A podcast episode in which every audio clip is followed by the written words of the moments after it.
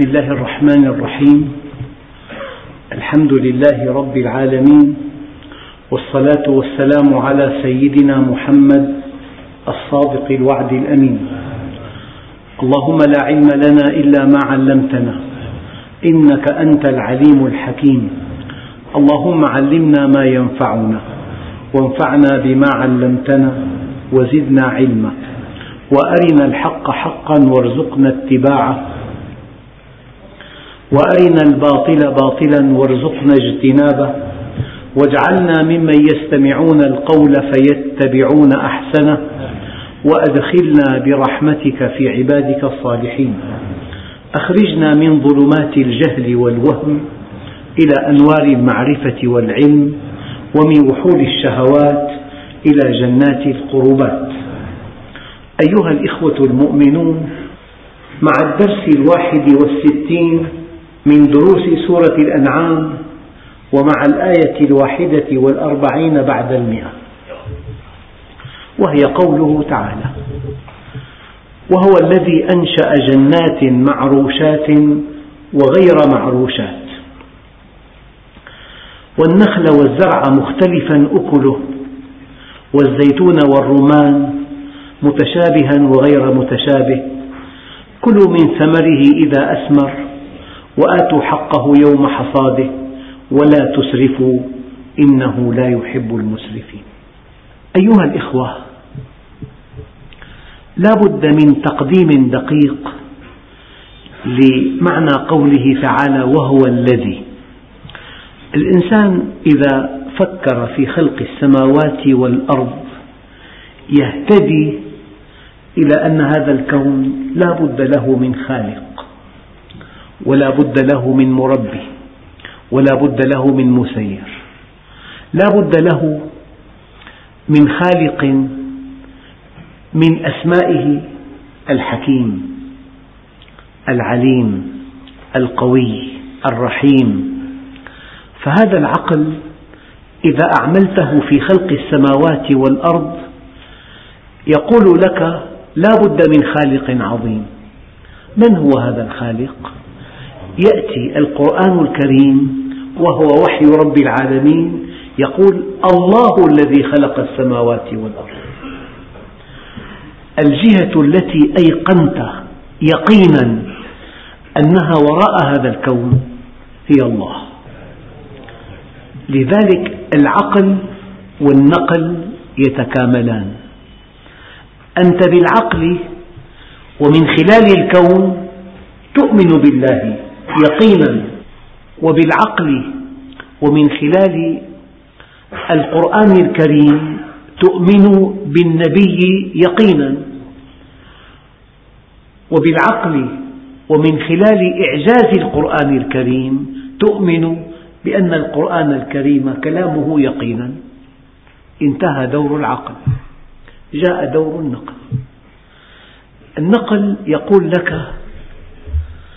الذي خلق السماوات والأرض هو الله. أسماؤه حسنى عليم حكيم رحيم ودود سميع مجيب حليم غفور. والنقل يؤكد لك أن هذا الإنسان الذي جاء به بهذا القرآن هو رسوله. وأن آيات الإعجاز في القرآن الكريم تؤكد أن هذا الكلام كلامه. العقل انتهى دوره حصان ركبته إلى قصر السلطان. ينبغي أن تدخل وحدك. أخبرك الله بعد أن آمنت به وبرسوله وبكتابه أن الجهة التي خلقت السماوات والأرض هي الله وأن الكون مسخر للإنسان. تسخير تعريف وتكريم. وأن الإنسان هو المخلوق الأول. إنا عرضنا الأمانة على السماوات والأرض والجبال فأبين أن يحملنها وأشفقن منها وحملها الإنسان. وأن الحياة الدنيا دار عمل وليست دار أمل.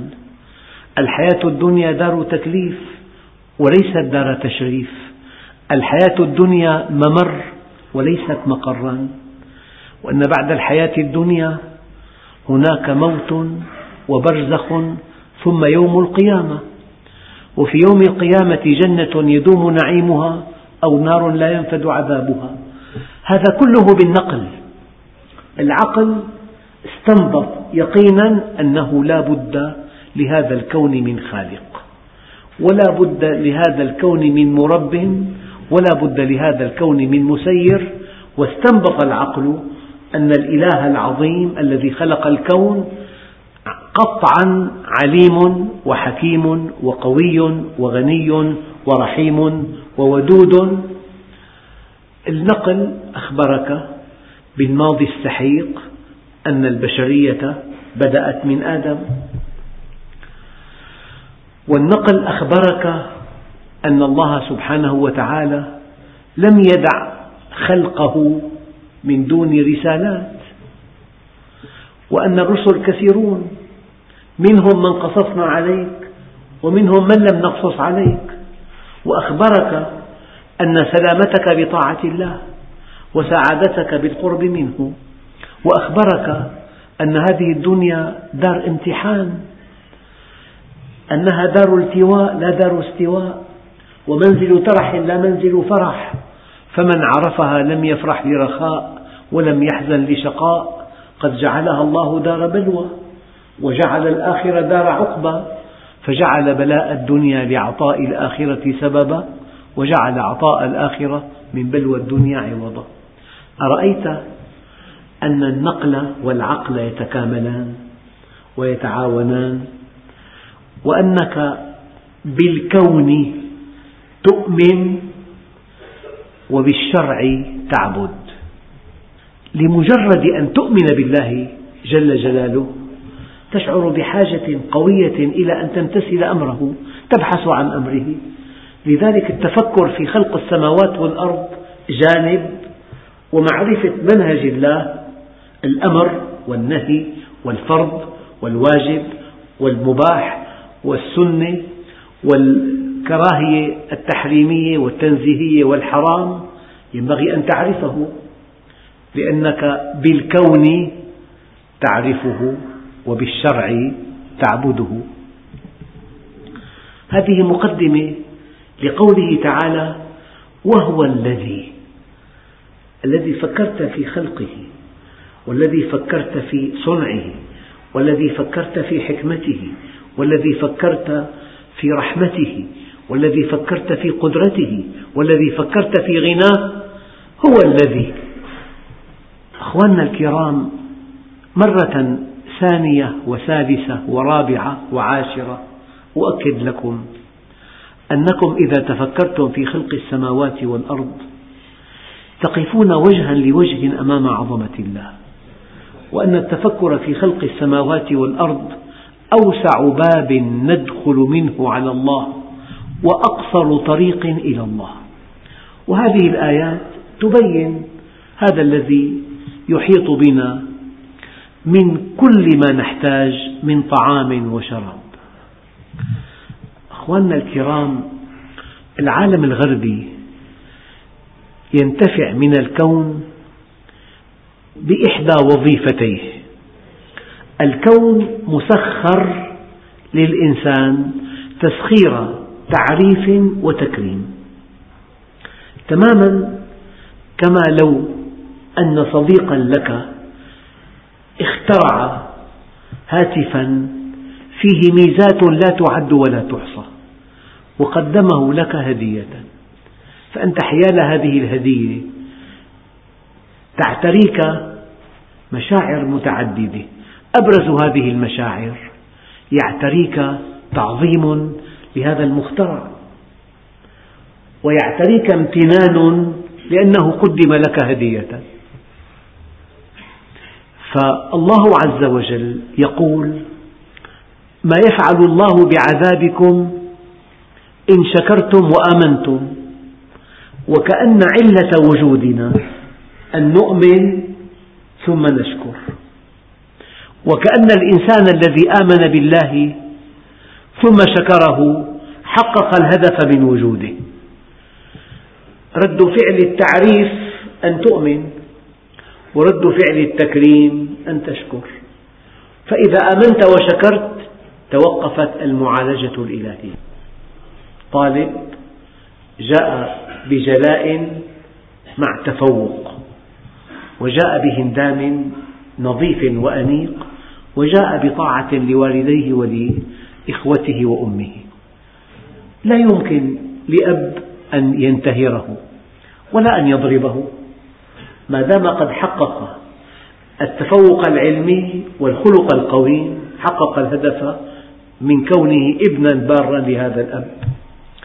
إذا يجب أن تعلم علم اليقين أنك إذا آمنت وشكرت فالإله العظيم لا يمكن أن يكون له عليك سلطان لأنه ألزم نفسه بالكمال. هو مطلق. طريق الإرادة يفعل ما يشاء ولا أحد يمكن أن يعترض عليه. لا يسأل عما يفعل لأنه كامل. لأنه قوي وكامل. والله عز وجل ألزم نفسه بالاستقامة.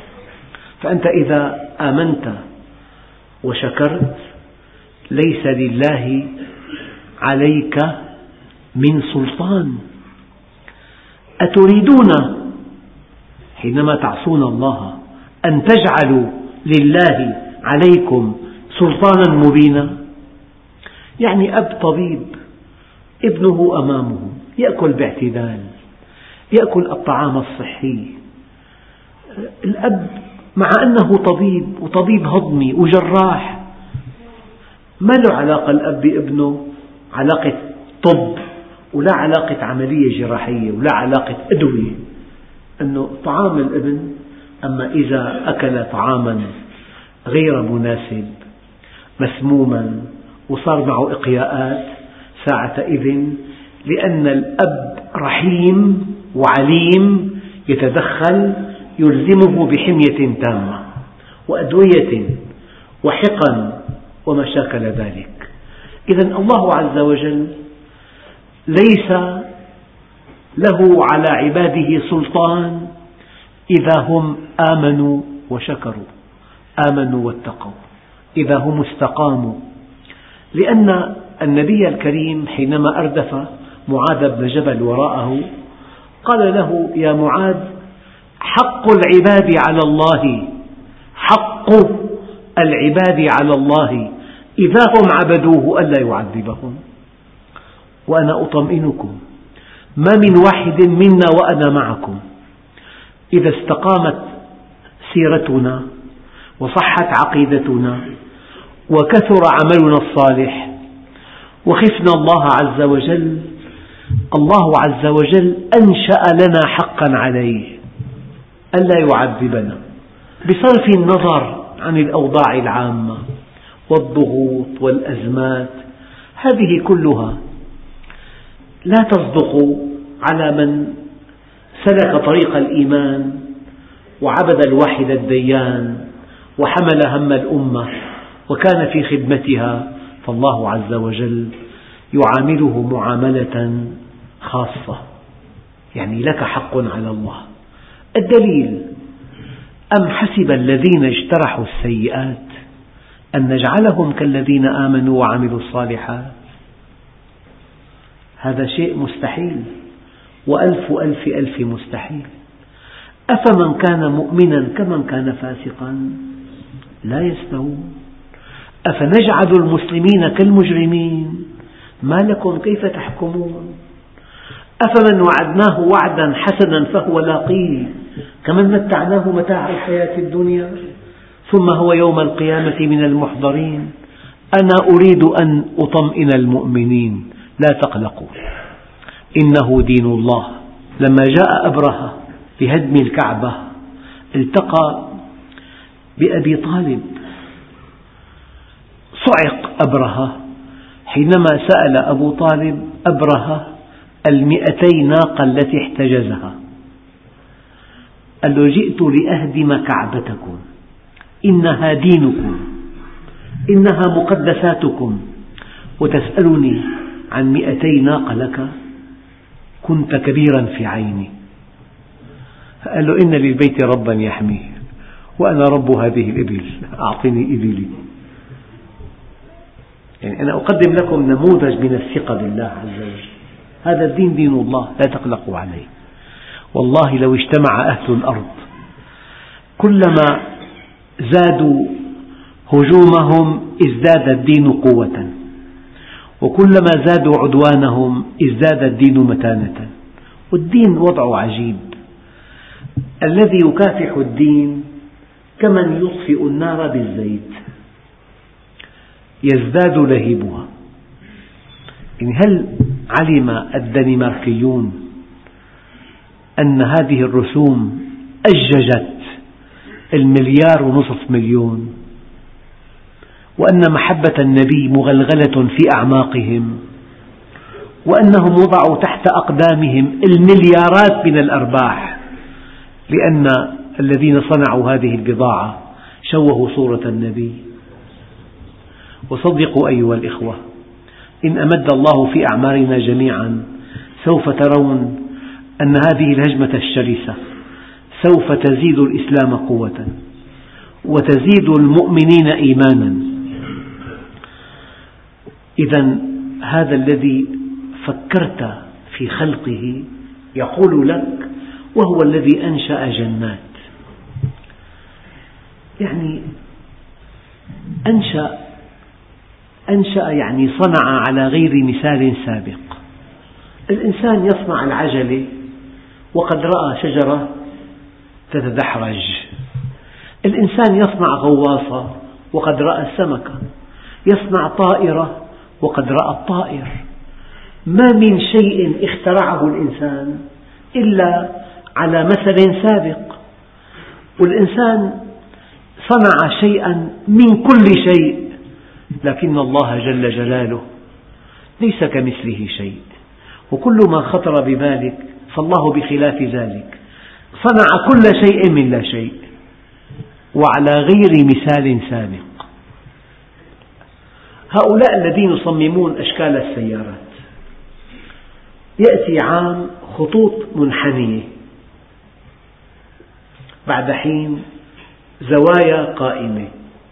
بعد حين النوافذ صغيرة كالقديم جدا بعد حين كبيرة جدا. الإبداع محدود وأكثر الصناعات.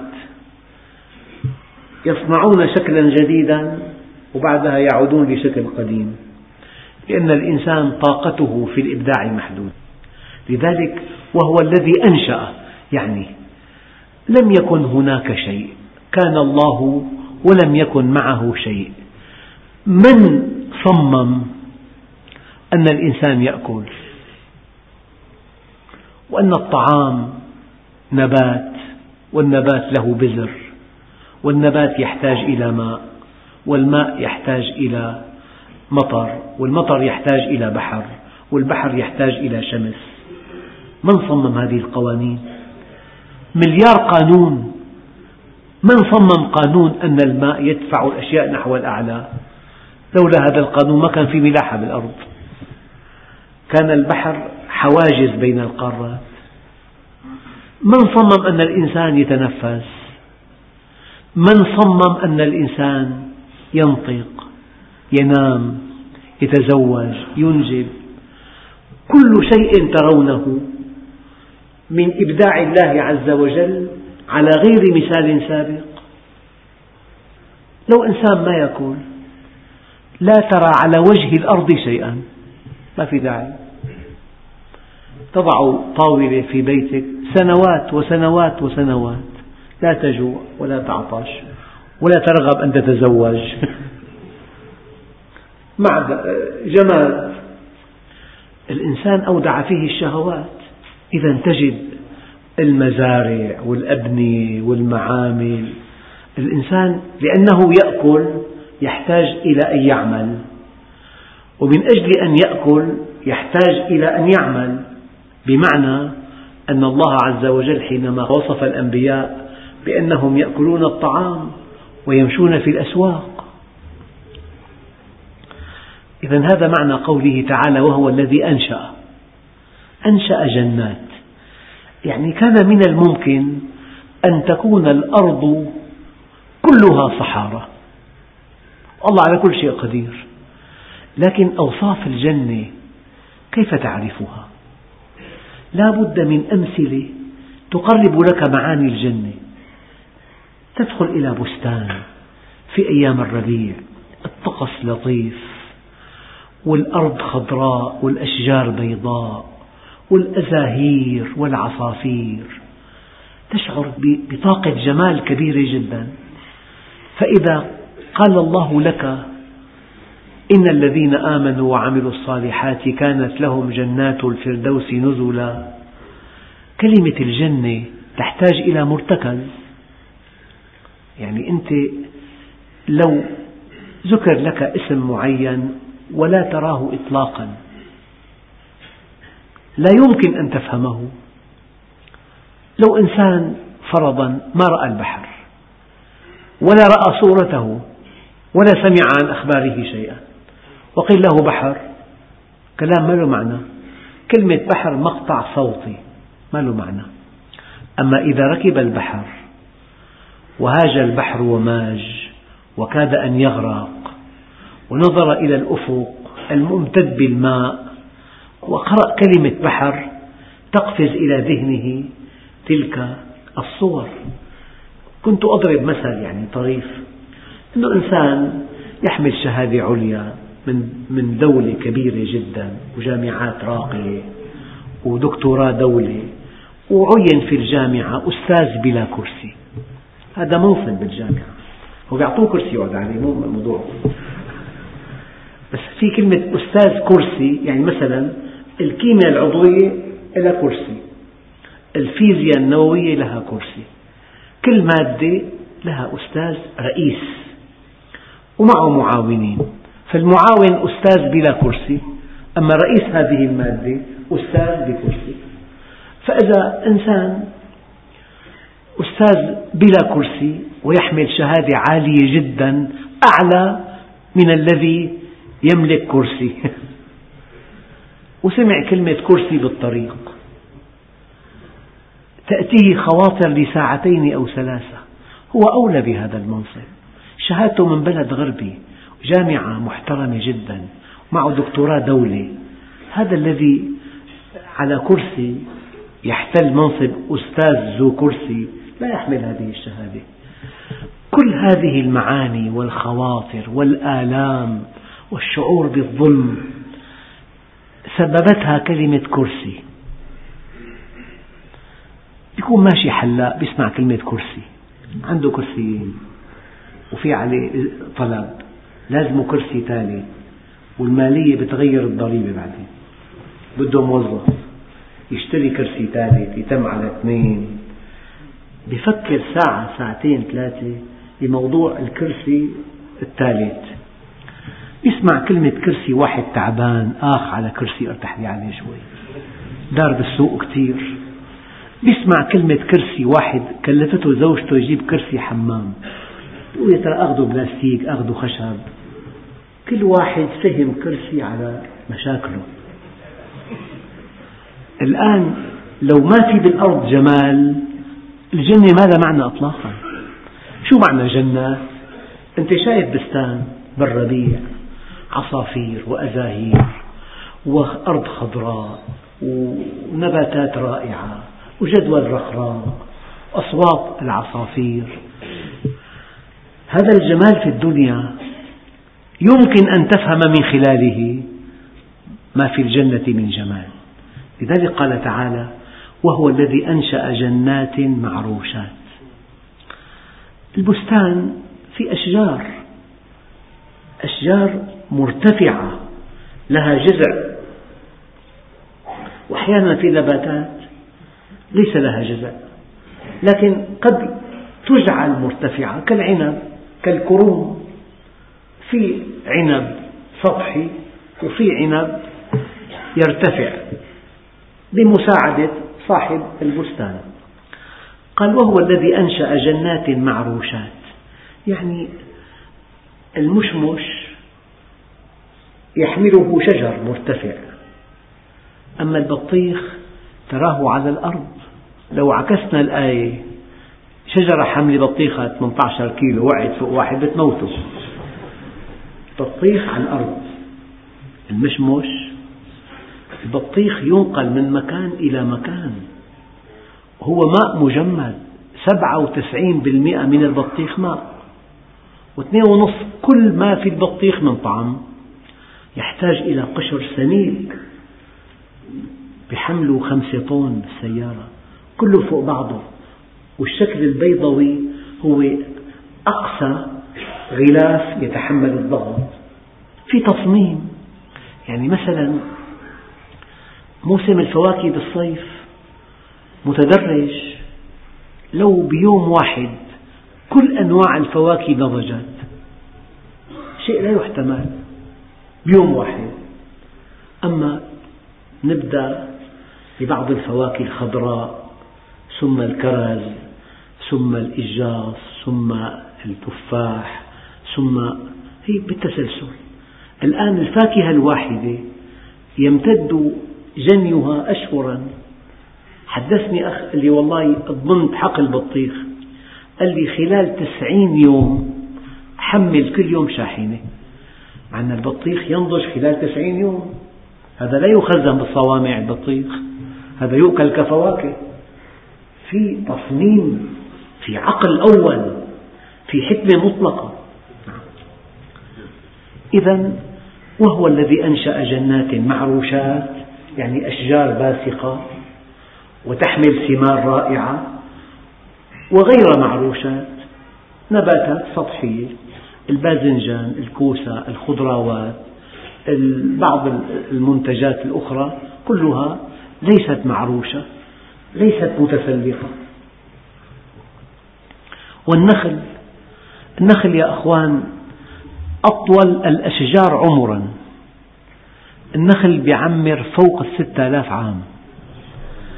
نخل المدينة الذي أكل منه النبي عليه الصلاة والسلام يأكل منه أهل المدينة الآن. النخلة نفسها يعني التمرة فيها ستة وسبعين مادة غذائية.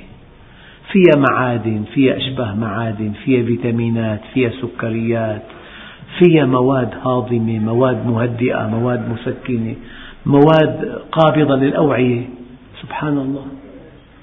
وهزي إليك بجذع النخلة تساقط عليك رطبا جنيا في بالتمر مادة لمن كانت على وشك الولادة.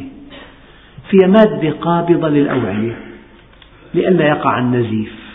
وفيها مادة ملينة كي يكون ما في الأمعاء سهلا كي يتسع المكان لنزول الولد. وفيها مادة مهدئة مسكنة. وفيها 76 مادة غذائية. والإنسان إذا أكل مئة تمرة يأخذ نصف حاجته من كل المعادن والتمر لا يتلوث إطلاقا.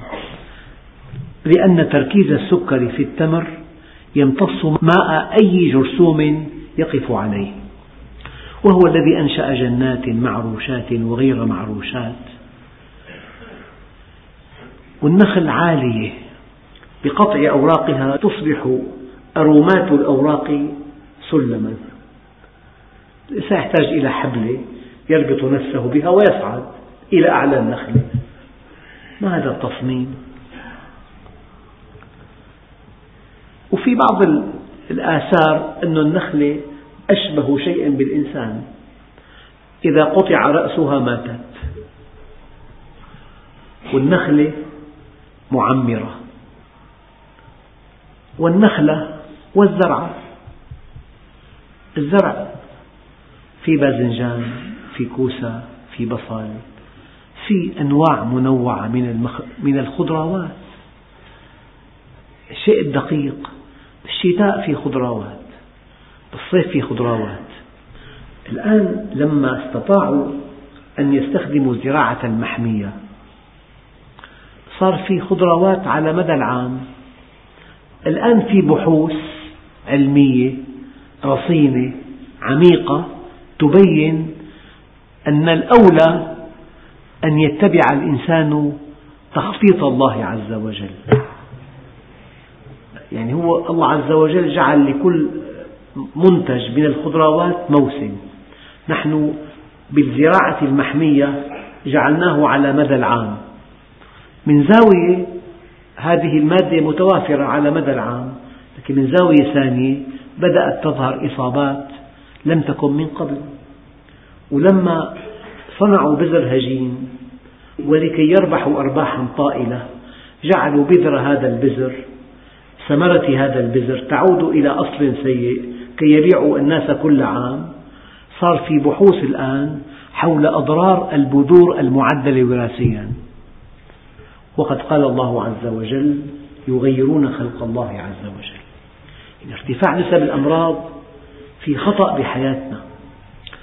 وهو الذي أنشأ جنات معروشات وغير معروشات والنخل والزرع مختلفا أكله.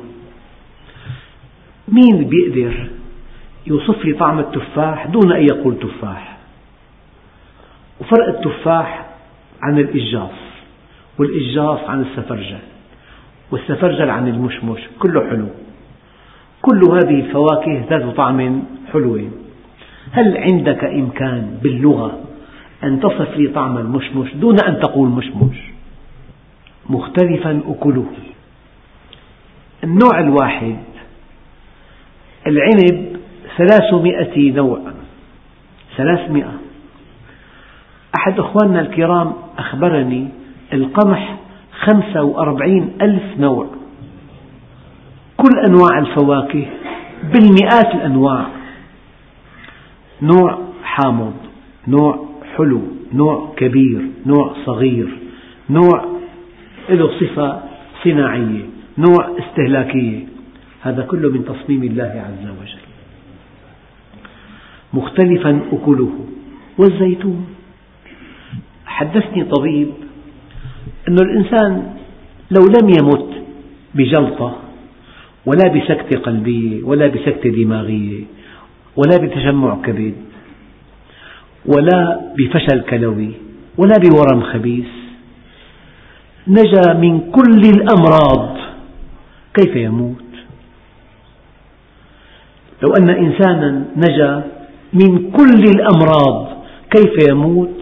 قال يموت بتصلب الشرايين. لأن القلب حينما ينبض الشريان مرن يتجاوب مع هذا النبض فيتوسع. ولأنه مرن يعود إلى ما كان عليه صار الشريان قلب ثاني ضع يدك على جبينك تحس بالنبض. ضع يدك على يد أخرى تحس بالنبض. ضع يدك في مكان في الرجل تحس بالنبض. الشرايين قلوب في قلب مركزي هو القلب وكل قطعة من الشريان قلب لأنها مريمة. مع تقدم السن الشريان يتصلب فيتعب القلب. هذا آخر مرض يموت فيه الإنسان. بالمناسبة زيت الزيتون هو الغذاء الوحيد الذي يطيل أمد مرونة الأوعية الدموية.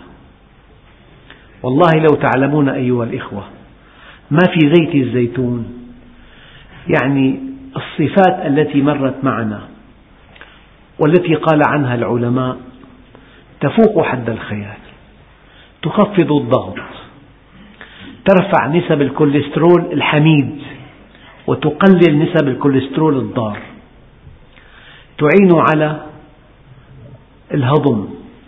تعين على إذابة الشحوم شحوم الزيت غير مشبعة سهلة الهضم. في حديث عن زيت الزيتون والنبي عليه الصلاة والسلام قال يخرج من شجرة مباركة. وبعل دهن يعني أثمن مادة دهنية على الإطلاق زيت الزيتون. لذلك والزيتون والرمان. الرمان. يعني الآن في أبحاث أن الرمان مادة مذيبة للترسبات التي تكون على أوعية القلب. يعني أنا أقول لكم كلمة كلوا كل شيء. لأن في كل شيء مادة وقائية أو علاجية للجسم. هناك طبيب يقول كل كل شيء. بعض أنواع الخضار الملوخية مثلا ترمم الغشاء المخاطي لجهاز الهضم. زيت الزيتون يمد أمد مرونة الشرايين. بعض الأغذية تقوي الخلايا الفسفورية. القمح ماذا نفعل نحن بالقمح؟ نأخذ لبه نشاء صرف وندع للدواب قشرة القمح النخالة. بالنخالة فيها ست معادن وسبع فيتامينات وكل حاجة الإنسان متوافرة في النخالة. والنخالة لا تسبب الإمساك وهناك خمسون مرض يأتي من الإمساك. وأول بدعة ابتدعها الصحابة بعد وفاة رسول الله نخل الدقيق. شوفي بالقشرة عالم قائم بذاته. أربعة عشر بالمئة من وزن القمح قشر في الرشين في غلالة داخلية وفي قشرة خارجية. الفيتامينات البوتاسيوم والمغنيسيوم والصوديوم والكالسيوم.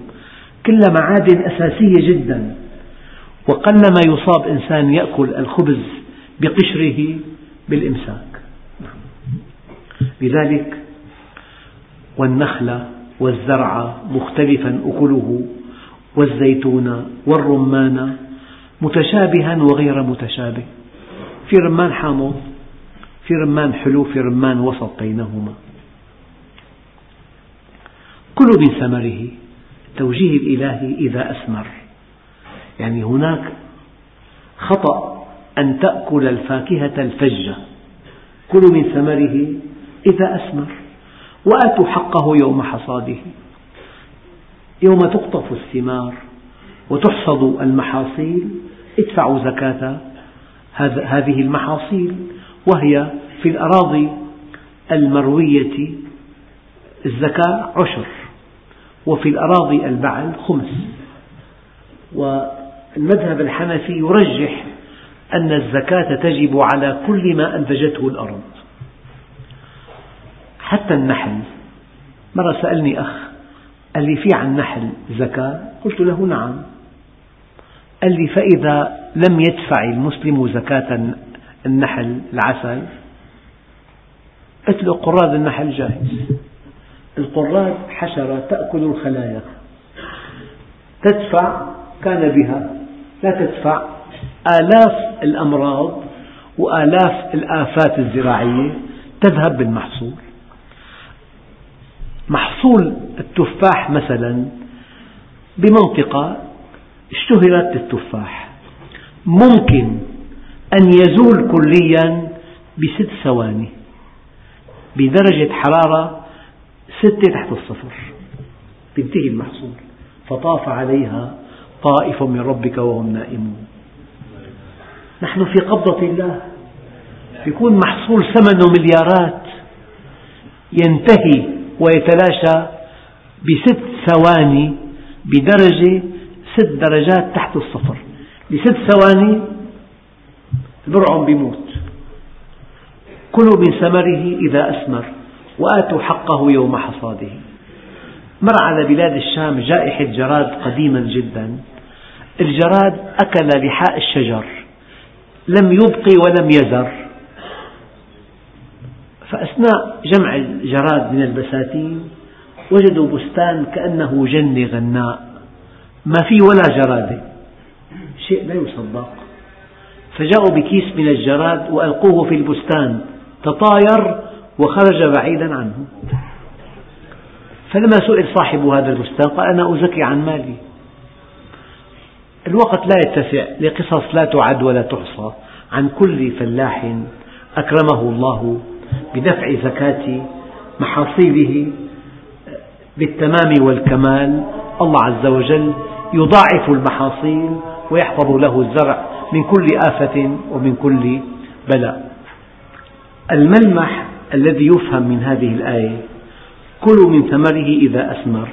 يبدو أن الفواكه الناضجة أفضل للإنسان من الفواكه الفجة. كلوا من ثمره إذا أثمر. أما الحصاد هو القطع.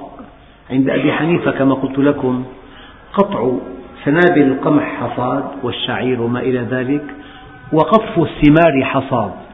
بالمعنى اللغوي الحصاد هو القطع. فقطعنا الثمار أو حصدنا الغلال سيان لكن رحمة الله عندك بستان في أنواع من الفواكه. لك أن تأكل قبل أن يبدأ الحساب. يوم تقطف هذه الفواكه جميعا وتنزلها إلى السوق هنا يوم وقت الحساب الدقيق للزكاة. يعني في تسامح. ما تأكله أنت وأهلك وضيوفك من هذا البستان قبل الجني الكامل للبستان هذا لا يدخل في حساب الزكاة. وآتوا حقه يوم حصاده. قال ولا تسرفوا. ومن أدق ما تعنيه كلمة ولا تسرفوا أن الإسراف نوعان إسراف زيادة وإسراف نقص. الإسراف مجاوزة الحد زيادة أو نقصانا. يعني إذا أعطيت الفقير أقل مما يستحق فأنت مسرف على نفسك. إن أعطيته أكثر مما ينبغي وأبقيت أهلك بلا طعام ولا شراب أنت مسرف. ولا تسرفوا لا في الزيادة ولا في النقصان لا في مجاوزة الحد ولا في الإنفاق دون الحد. كلوا من ثمره إذا أثمر وآتوا حقه يوم حصاده ولا تسرفوا إنه لا يحب المسرفين في كل شيء. لا تسرفوا هنا في دفع زكاة هذه المحاصيل وتلك الثمار زيادة أو نقصانا كما أنه لا يحب المسرف في كل شيء حتى في المباحات. وكل شيء مع الإسراف ينقلب إلى ضرر. نحن علاقتنا مع الإسراف كالملح في الطعام. إن زاد عن حده انقلب إلى ضده والحمد لله رب العالمين.